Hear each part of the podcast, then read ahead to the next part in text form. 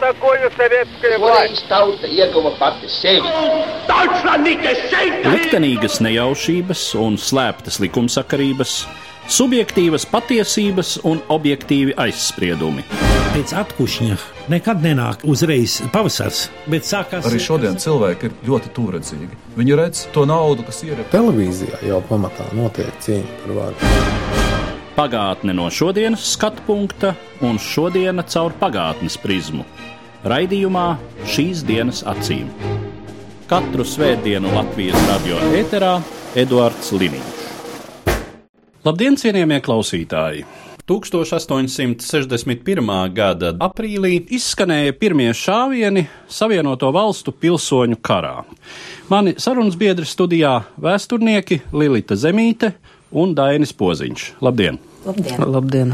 Protams, šis karš ir zināms visai pasaulē, pirmām kārtām pateicoties amerikāņu kino industrijai, kura apstrādā gana daudz Amerikas vēstures notikumus, nu un pašiem amerikāņiem pilsoņu karš ir ļoti būtisks, un līdz ar to arī mums pārējā pasaulē ir priekšstats par to, kas tad tas bija par konfliktu. Vai tas priekšstats ir adekvāts, to mēs varētu šodien mēģināt noskaidrot. Pirmais jautājums, protams, par kara cēloņiem. Jo mēs zinām, ka Amerikas Savienotās valstis tapa 18. gadsimtā kā valsts, kuras pamatā ir pilsoņa un cilvēka brīvības, tiesību doktrīna. Un pējot nepilniem simts gadiem kopš Savienoto valstu dibināšanas, mēs redzam, ka konflikts, kas arī kaut kā lielā mērā saistās ar brīvības jautājumiem, ar to, vai verdzība ir pieņemama kā princips. Kā jūs varat to komentēt? Vispirms es gribētu teikt, ka pilsoņu karš bija gandrīz vai loģiskas attīstības rezultāts. Izveidojoties Amerikas Savienotajām valstīm, neizveidojās monolīta vienota amerikāņu nācija. Protams, ka nācija izveidojās vienota tajā aspektā, ka amerikāņu jaunajai nācijai ļoti veikli izdevās pārvarēt etniskas dabas jautājumus. Tādu nopietnu strīdu ASV vēsturē starp dažādām etniskām grupām nekad faktiski nav bijis. Ja mēs varbūt nerunājam vēlāk, ka tas ir jau 20. gadsimtā un tās ir baltu amerikāņu un afroamerikāņu attiecību problēmas. Bet 19. gadsimtā šis jautājums ir ļoti viegli un labi nokārtots vienlaicīgi netiek īsti ievērota nācijas konsolidācija citā aspektā. Un šeit es gribētu runāt par reģionālo. Kad pamanīja, ka nācija sāk šķelties reģionāli pa līniju ziemeļi dienvidi, tad, kad tas kļuva pilnīgi skaidrs, jau bija par vēlu. Un amerikāņu vēsturnieki strīdās, vai mēs varam runāt uz pilsoņu kara sākumu par divām nācijām, jeb mēs varam runāt tikai par vienu nāciju, kas ir sašķelta. Tas varbūt vairāk ir tāds teorētisks jautājums, taču jāsaka, amerikāņu nācijai, ja tāda bija, nebija visi nācijas atribūti. Un viens no tiem noteikti nebija tas būtiskais vēlme dzīvot kopā. Es pat atļaušos teikt vairāk, bija novērojams apusējs naids. Tas, kas parādījās presē pirms pilsoņu kara pēdējā desmitgadē un varbūt pat jau ātrāk, tie komentāri vienai sabiedrības daļai pret otru, šeit domāju ziemeļus un dienvidus, bija tik asi, ka tādi komentāri nekad nebija bijuši no amerikāņu puses pret Britiem neatkarības kara laikā. Apzīmējumu, ko dienvidnieki velta ziemeļniekiem. Netīrie jeņkī, tirgotāji, eļļainie strādnieki, neizdevušies demagogi. Kas viņi var būt? Tikai kalpi dienvidu džentlmenim. Savukārt ziemeļnieki par dienvidiem raksta laiskie, verdzības atbalstītāji, cilvēki, kas neievēro nekādas pilsoņu tiesības, ko viņi mums var pateikt. Protams, arī šis jautājums, ko jūs pieminējāt par verdzību, arī ir viens no diskusiju objektiem. Un šeit dienvidnieki jāsaka, ka ļoti labi aizstāvās, vismaz tā laika kontekstā. Un tāpēc arī, piemēram, ASV prezidents Abrahams Linkolns, kurš pirms savas ievēlēšanas prezidenta amatā ļoti slikti pārzināja situāciju dienvidos. Viņš izvairījās no diskusijām ar dienvidu politiķiem par tādiem jautājumiem kā verdzība. Jo viņš bija pietiekoši gudrs cilvēks un zināja to, ka jebkurā diskusijā dienvidu politiķi viņu uzvarēs. Dienvidnieki apgalvoja, ka īstā verdzība ir nevis dienvidos, bet īstā verdzība ir ziemeļos. Ar to saprotot algas vergus, respektīvi strādniekus. Dienvidnieki salīdzināja savā propagandas presē dzīves apstākļus dienvidos un dzīves apstākļus ziemeļos. Un, protams, ka šis salīdzinājums no dienvidnieku puses vienmēr bija par sliktu ziemeļiem. Respektīvi, mēs varam teikt, ka tas eksploatācijas līmenis un droši vien arī dzīves apstākļi ziemeļu fabrikas strādniekam nebūtu nebija daudz labāki, vai varbūt pat bija dažos aspektos sliktāki salīdzinot ar vergu dienvidnieku plantācijās. Varbūt ne gluži tā varētu teikt, jo ziemeļu strādnieks tomēr bija personiski brīvs. Te tomēr mums ir jārunā vairāk par propagandas kampaņu, un tā propaganda jau bija no abām pusēm. Bet varbūt cits arguments ir būtiskāks. Dienvidnieki uzstāja uz to, ka ziemeļniekiem strādnieks interesē tik ilgi, kamēr viņš ir spējīgs strādāt. Tātad, ja viņš paliek vecs, nevarīgs, tas viss beidzās. Savukārt, ja kaut kas tam līdzīgs notiek dienvidos, vergs kļūst vecs vai viņš saslimst, viņš tāpat dzīvo plantācijā un atbildība no tā vergtura puses pret šo vergu ar viņa darba spēju zudumu nebeidzās. Dienvidnieki gribēja pateikt, ka ziemeļnieki, kuri sevi propagandēja un pasniedz visai Eiropai kā morāli pārāks, tāda nav. Ja mēs domājam par tām pašām brīvības cīņām, tās jau norisinājās vairāk Savienoto valstu ziemeļdaļā vai centrālajā daļā. Dienvidu štatos viņi ir mazāk bijuši skarti no šīm neatkarības cīņām un vispār nonākuši arī citā ceļā Savienoto valstu sastāvā. Dažas ir bijušās Spāņu kolonijas, dažas ir bijušās Franču kolonijas. Kāda šim mantojumam ir nozīme? Runājot par to mantojuma nozīmi, kas ir saistīts ar neatkarības kara laiku, nu tad te jāsaka, ka dienvidnieki nav sliktākā pozīcijā kā ziemeļnieki, tāpēc, ka dienvidnieki ir absolūtajā vairākumā neatkarības deklarācijas izstrādātāji. Tie tomēr ir pirmie ASV prezidenti, visi četri. Tas būtu gan Vašingtons, gan Jeffersons, gan Madisons, gan Monroe. Viņi visi nāk no dienvidiem. Tā kā dienvidiem ir ļoti liela loma ASV neatkarības izveidošanas laikā un pirmajos valsts pastāvēšanas gados. Un tāpēc arī tā bija viena no tām lielajām problēmām, kad Dienvidu štati sāka izstāties viens pēc otra no Amerikas Savienotajām valstīm. Tad, protams, it sevišķi Virģīnijas kolonija ilgstoši pārdomāt šo jautājumu tieši šīs kopīgās vēsturiskās pieredzes dēļ. Jo, kā uzskatīja Virģīnijas deputāti, mēs pametam valsti, kuru mēs paši izveidojām. Tā kā tā bija arī nepieciešamība sevi iekšēji salauzt, tas nebija tāds ļoti vienkāršs lēmums. Bet tā kā dienvidnieki uzskatīja, ka aizvainojums ir pārāk liels, kā ziemeļnieki apvaino dienvidniekus visas pasaules priekšā, tad, kā teica dienvidu deputāti, aizskarts ir mūsu gods. Mums ir priekšstats par to, ka ziemeļi nenoliedzami ir attīstītāki tehnoloģiski, dinamiskāki savā attīstībā. Cik lielā mērā var teikt, ka tajā laikā Ziemeļu štati un to industrija ir savienoto valstu dzinējspēks? Neapšaubām, ka Ziemeļu štati ir attīstītāki tieši industriāla attīstības ziņā. Taču varbūt negluži varētu piekrist tam, ka viņi ir Amerikas Savienoto Valstu ekonomikas dzinējspēks. Jo 60% no ASV eksporta saražo dienvidu štati, un tā ir kokvilna. Dienvidi noteikti nav atpalikuši, taču viņi ir atpalikuši tikai rūpnieciskā ziņā. Bet nevarētu teikt, ka viņi ir atpalikuši kaut kādā dzīves līmeņa ziņā vai ekonomikas attīstības ziņā. Un te, protams, vēl viens pilsoņu kara cēlonis, jo ziemeļu industrija attīstīta tika uz dienvidu ienākumu pamata. Nodokļi, kas ienāca Amerikas Savienoto Valstu kasē, bija galvenokārt saistīti ar dienvidiem, jo Amerikā eksistēja pirms pilsoņu kara ļoti augstas ievedumoitas.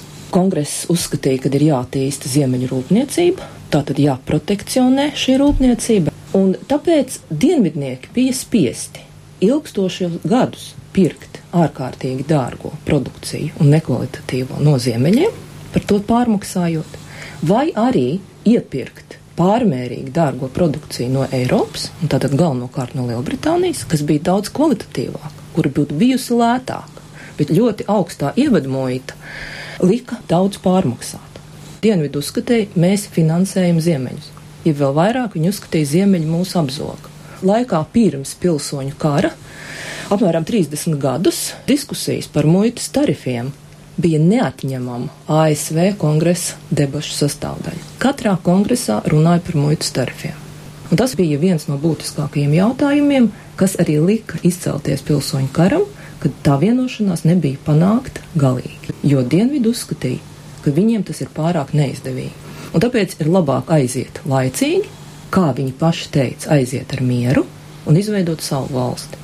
Vēl viens īsts karams aspekts ir Savienotās valstis jau tobrīd joprojām ir formēšanās stadijā, jo to teritorija turpina pieaugt rietumos un sevišķi dažus gadus pirms pilsoņu kara notiek Savienoto valstu Meksikas karš, kurās Savienotās valstis pievāc apmēram pusi no Meksikas teritorijas.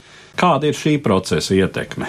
Nu, ļoti būtiska, jo pilsoņu karš ir cīņa starp dienvidiem un ziemeļiem par jaunajām rietumu teritorijām pilsoņu kara iesākumā un arī laikā pirms pilsoņu kara nekad netiek pacelts jautājums par verdzības atcelšanu kā tādu. Tātad mēs nevarētu teikt, ka karš iet par verdzības atcelšanu vai par verdzības saglabāšanu. Te ir tikai viens aspekts - neļaut izplatīties vai tieši pretēji panākt verdzības izplatīšanos uz rietumiem, un šeit atkal ir pilnīgi pretējas pozīcijas. Kāpēc Ziemeļi negrib pieļaut Dienvidu štatu verdzības izplatīšanu arī uz rietumiem. Mēs nevaram teikt, ka te būtu tāda ļoti liela un skaista ideāla, diemžēl tā tas nav. Drīzāk tā ir mentalitāte ziemeļu sabiedrībā, ko mēs varētu saukt par tādu negru fobiju. Tās ir bailes no melnādainajiem cilvēkiem. Cilvēki, ar kuriem lielākā daļa ziemeļnieku nekad nav satikušies, Viņi faktiski viņus nav redzējuši, jo viņi uz dienvidiem nebrauc. Ziemeļos afroamerikāņu izcelsmes amerikāņi ir ārkārtīgi maz, 2% no sabiedrības, un tāpēc nepatika neziņa par to, kā varētu būt, ja būtu jādzīvo kopā ar melnādaino cilvēku, izraisīja šīs bailes no tā, ka ja rietumu štati nonāks dienvidu ietekmes zonā, tad dienvidnieki tur aizies ar visiem vergiem. Un otrkārt, vergi atņems baltajiem darbu, viņiem būs jādzīvo kopā ar melnādainajiem, un tad būs ļoti lielas briesmas. Un tāpēc, protams, arī pat laikā pirms pilsoņu kara, kad dienvidu štati mēģināja panākt to rietumu zemju sadali pēc tāda paritātes principa, tad atsevišķi jaunie rietumu štati, kas it kā no vienas puses sludināja sevi kā brīvības aizstāvis, aizliedza melnajiem brīvajiem cilvēkiem vispār iebraukt rietumu štatos. Līdzīga situācija arī no ziemeļa puses. Ziemeļi ļoti baidās no tā, ka tādā gadījumā, ja verdzība varētu tikt atcelta, kad melnie cilvēki parādītos ziemeļos. Tad, tad drīzāk ziemeļnieki un rietumnieki gribēja panākt verdzības un vienlaicīgi afroamerikāņu lokalizāciju dienvidu štatos. Dienvidi bija daļēji ar mieru, jā, mēs dzīvosim kopā ar melnajiem cilvēkiem, mēs viņus pazīstam, Mums no viņiem bailes nav, bet tikai tādā gadījumā, ja viņi ir pakļauti. Jo vienkārši mēs neprotam un nezinām, kā vajadzētu sadzīvot divām rasēm, divām kultūrām, ja tās ir vienlīdzīgas. Šis jautājums, var tā piebilst, eh, Savienotajās valstīs tiek risināts pēc pilsoņu kara vēl apmēram simts gadus, un tas risinājums tiek sasniegts kaut kad pagājušā gadsimta 50. un 60. gadu pirmajā pusē, kad nu patiešām var teikt, ka melnādainais amerikānis var justies daudz maz vienlīdzīgs vismaz visu tiesību un uh, likuma priekšā ar baltādaino. Bet uh, atgriežoties aizpagājušajā gadsimtā, kā tad konkrēti izraisās šis konflikts, kas ir konkrētais kāzus belli, un kāds ir militārais potenciāls. Atkal jāsaka, tas klišejiskais priekšstats ir tāds, ka ziemeļu militārais potenciāls ir krietni pārāks. Runājot par abām karojošām pusēm un kara nobriešanas apstākļiem, arī militārajā ziņā tas process ir pakāpenisks. Un spēku samērs, ja mēs runājam tīri no cilvēku resursiem, protams, ir par labu ziemeļu štatiem, jo šeit dzīvo 20 miljoni iedzīvotāji, līdz ar to ir lielāka vienkārši mobilizācijas rezerva. Savukārt dienvidniekiem ir apmēram 12 miljoni iedzīvotāji, no kuriem apmēram 4 miljoni ir melnādainie plantatoru nodarbinātie vergi. Ja runājam par Amerikas armiju, tad Ziemeļamerikā nebija nepieciešamība uzturēt lielu armiju, jo nebija tāda reāla militāri spēcīga kaimiņu. Līdz ar to abām karojošām pusēm kara sākumā šie spēki ir salīdzinoši nelieli. Vēl viens aspekts ir jāņem vērā. Amerika veidojās neatkarības kara rezultātā, un, kā jau te teica, politiskā ziņā dienvidu vadība bija acīm redzama jūtama. Tāpat arī armijā talantīgākie virsnieki, labāk izglītotie ir dienvidnieku rīcībā, un tas arī bija redzams kara sākuma periodā, kad abas puses improvizēja un tā vienkāršot sakot mācījās karot modernu 19. gadsimtu viduskara ar masu armijām. Kara iemesli militārā ziņā ir tādi, ka Dienvidu štati konfederācija pasludināja atdalīšanos no savienības, pierobežas rajonos sākās pirmās domstarpības, sākās strīdi par uh, kontrolētajiem nocietinājumiem. Samtera forts bija viens no spēcīgākajiem nocietinājumiem, ko tobrīd kontrolēja ziemeļnieki. Viņš faktiski kontrolēja svarīgu ūdens ceļu pie robeža upes, un dienvidnieki vienkārši prasīja, lai ziemeļnieki no turienes aiziet.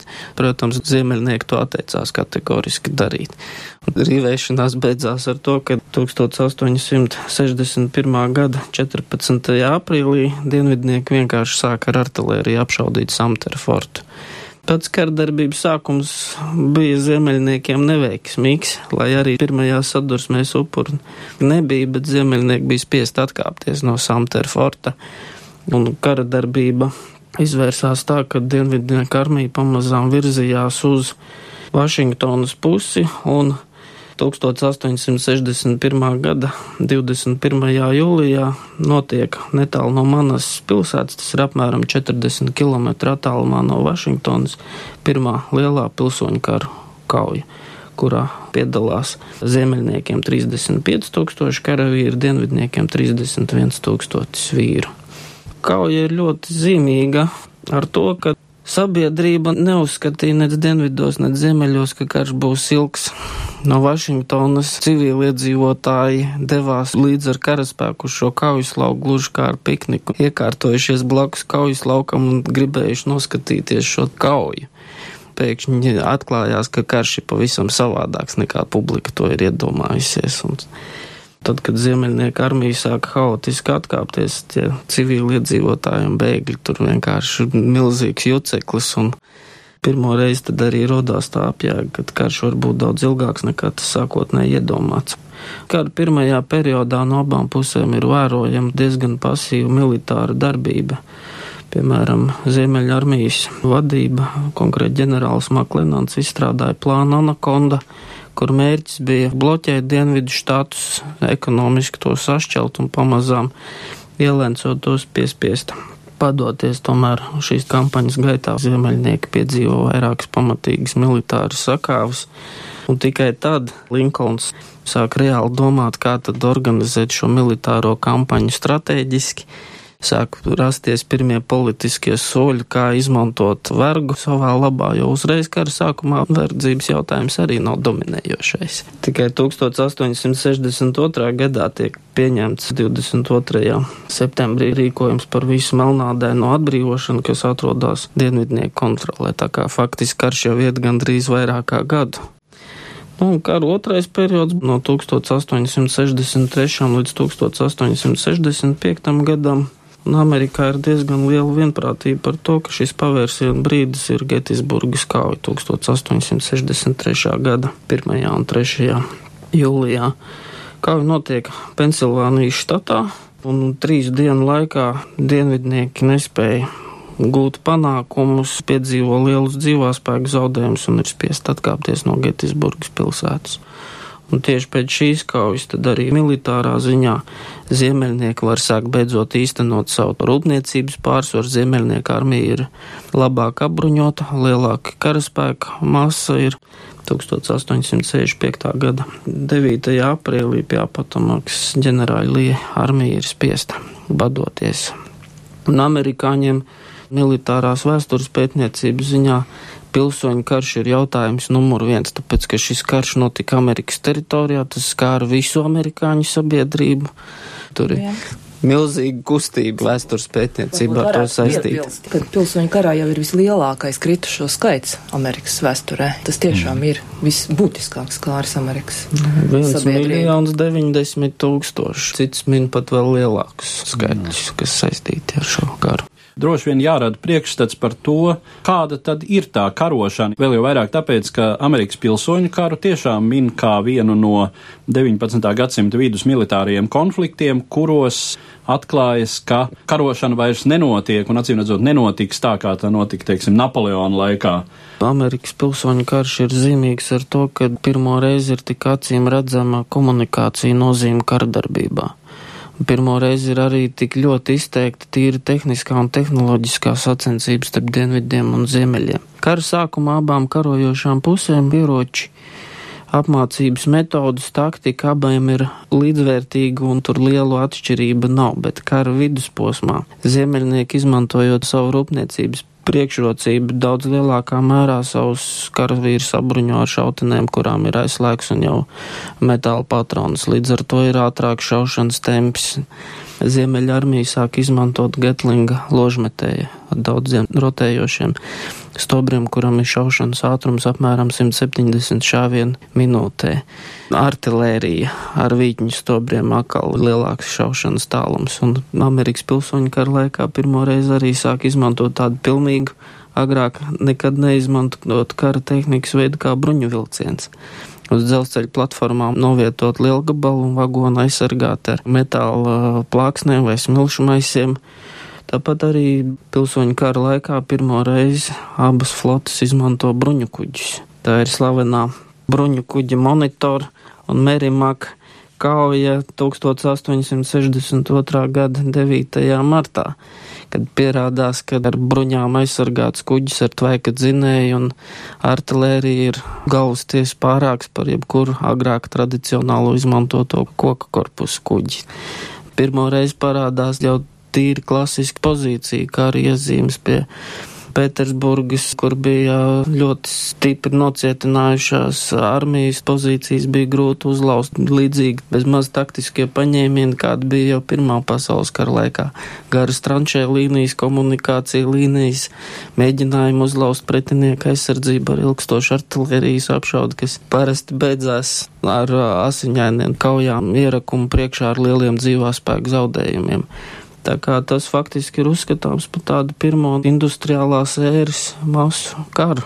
Un arī jāsaka, šeit iepriekš pieminētā emancipācijas proklamācija, tātad, kā vergi tiek pasludināti par brīviem cilvēkiem, faktiski sagrauj dienvidu plantāciju kā tādu. Un līdz ar to no šī laika dienvidnieki sāk pamazām savas pozīcijas zaudēt, ja viņiem nav aizmugures. Ekonomiskā pamata, kas varētu pabarot, uzturēt dienvidu armiju, un tātad sagraujot dienvidus ekonomiski, ziemeļnieki gūst savus tās izšķirošās un lielās uzvaras. Par to, kāda ir pārējā pasaulē reakcija uz šo konfliktu, kā uz to skatās citas pasaules valstis. Šeit ļoti labi darbojās ziemeļu diplomātija.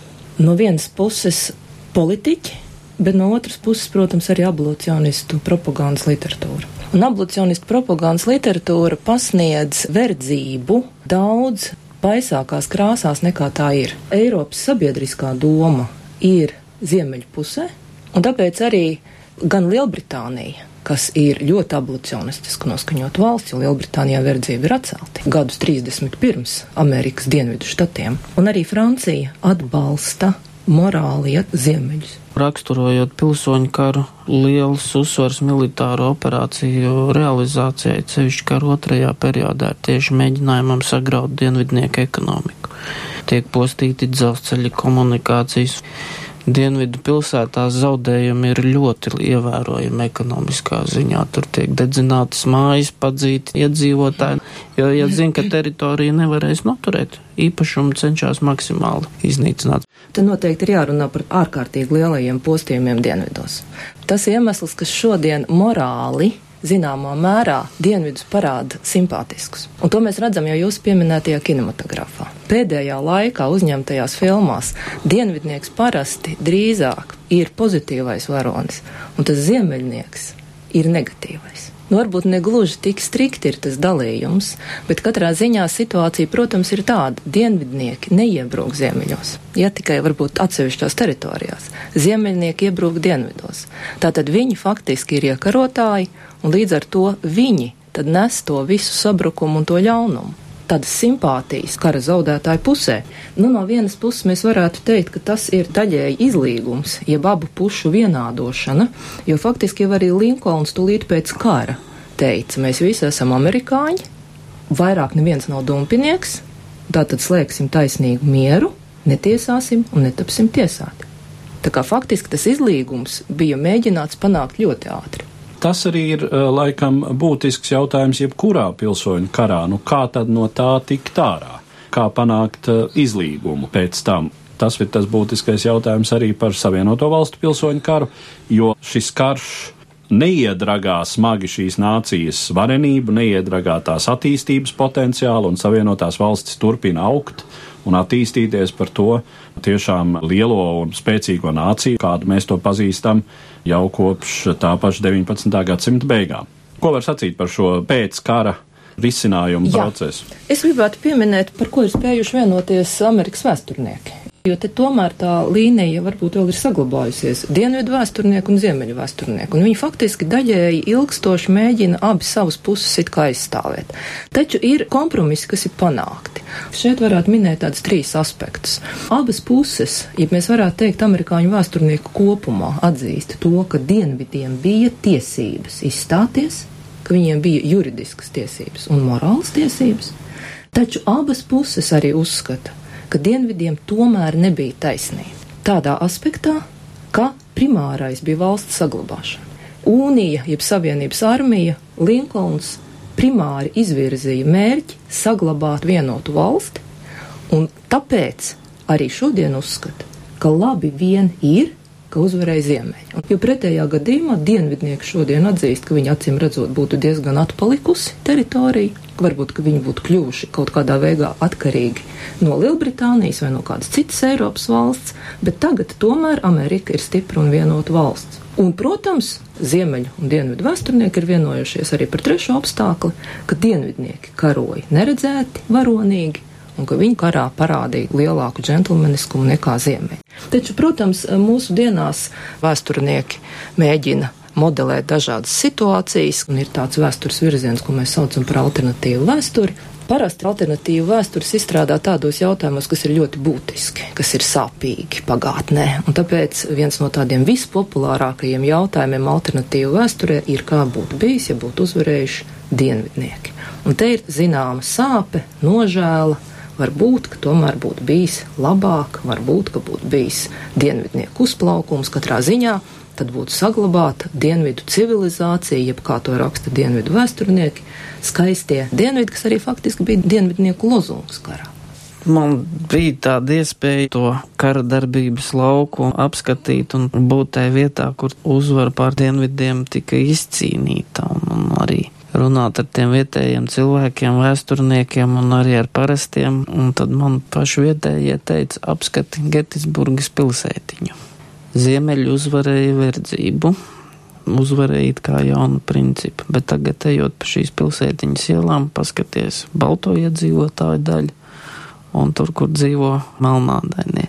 It kā karš ir uzvarēts, it kā oficiāli ir šī samierināšanās, tomēr kaut procentuāli netik lielā sabiedrības daļā, tomēr šī šķelšanās pa to pastāvēja, nu pirms desmit gadiem viņa bija jūta. Mm -hmm. Vismaz man tāds iespējas radās vēl sāpe par to, ka dienvidu karu zaudēja tai sabiedrības daļā ir un viņi ir jūtama. It sevišķi komunicējot ar vietējiem dienvidu štātu iedzīvotājiem, varbūt, kas nav tik ļoti saistīti ar politisko virsotni vai akadēmisko zinātni, nu ir šī sāpe sajūtama. Jā, šaubām, nu kaut vai tāds fakts, ka mūsdienās dienvidu štatos taču līdz šim laikam lieto konfederācijas laika karogus.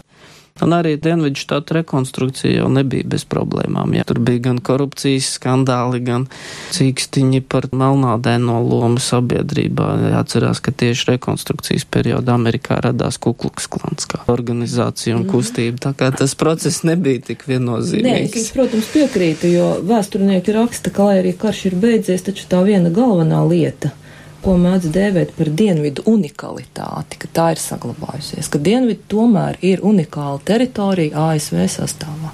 Ar tādu secinājumu mēs varētu arī noslēgt mūsu šodienas sarunu, kas bija veltīta pilsoņu karam Amerikas Savienotajās valstīs. Un es saku paldies maniem sarunas biedriem, vēsturniekiem Lilitai Zemītei un Dainim Poziņam. Paldies! Par pagātni sarunājas Eduards Līniju.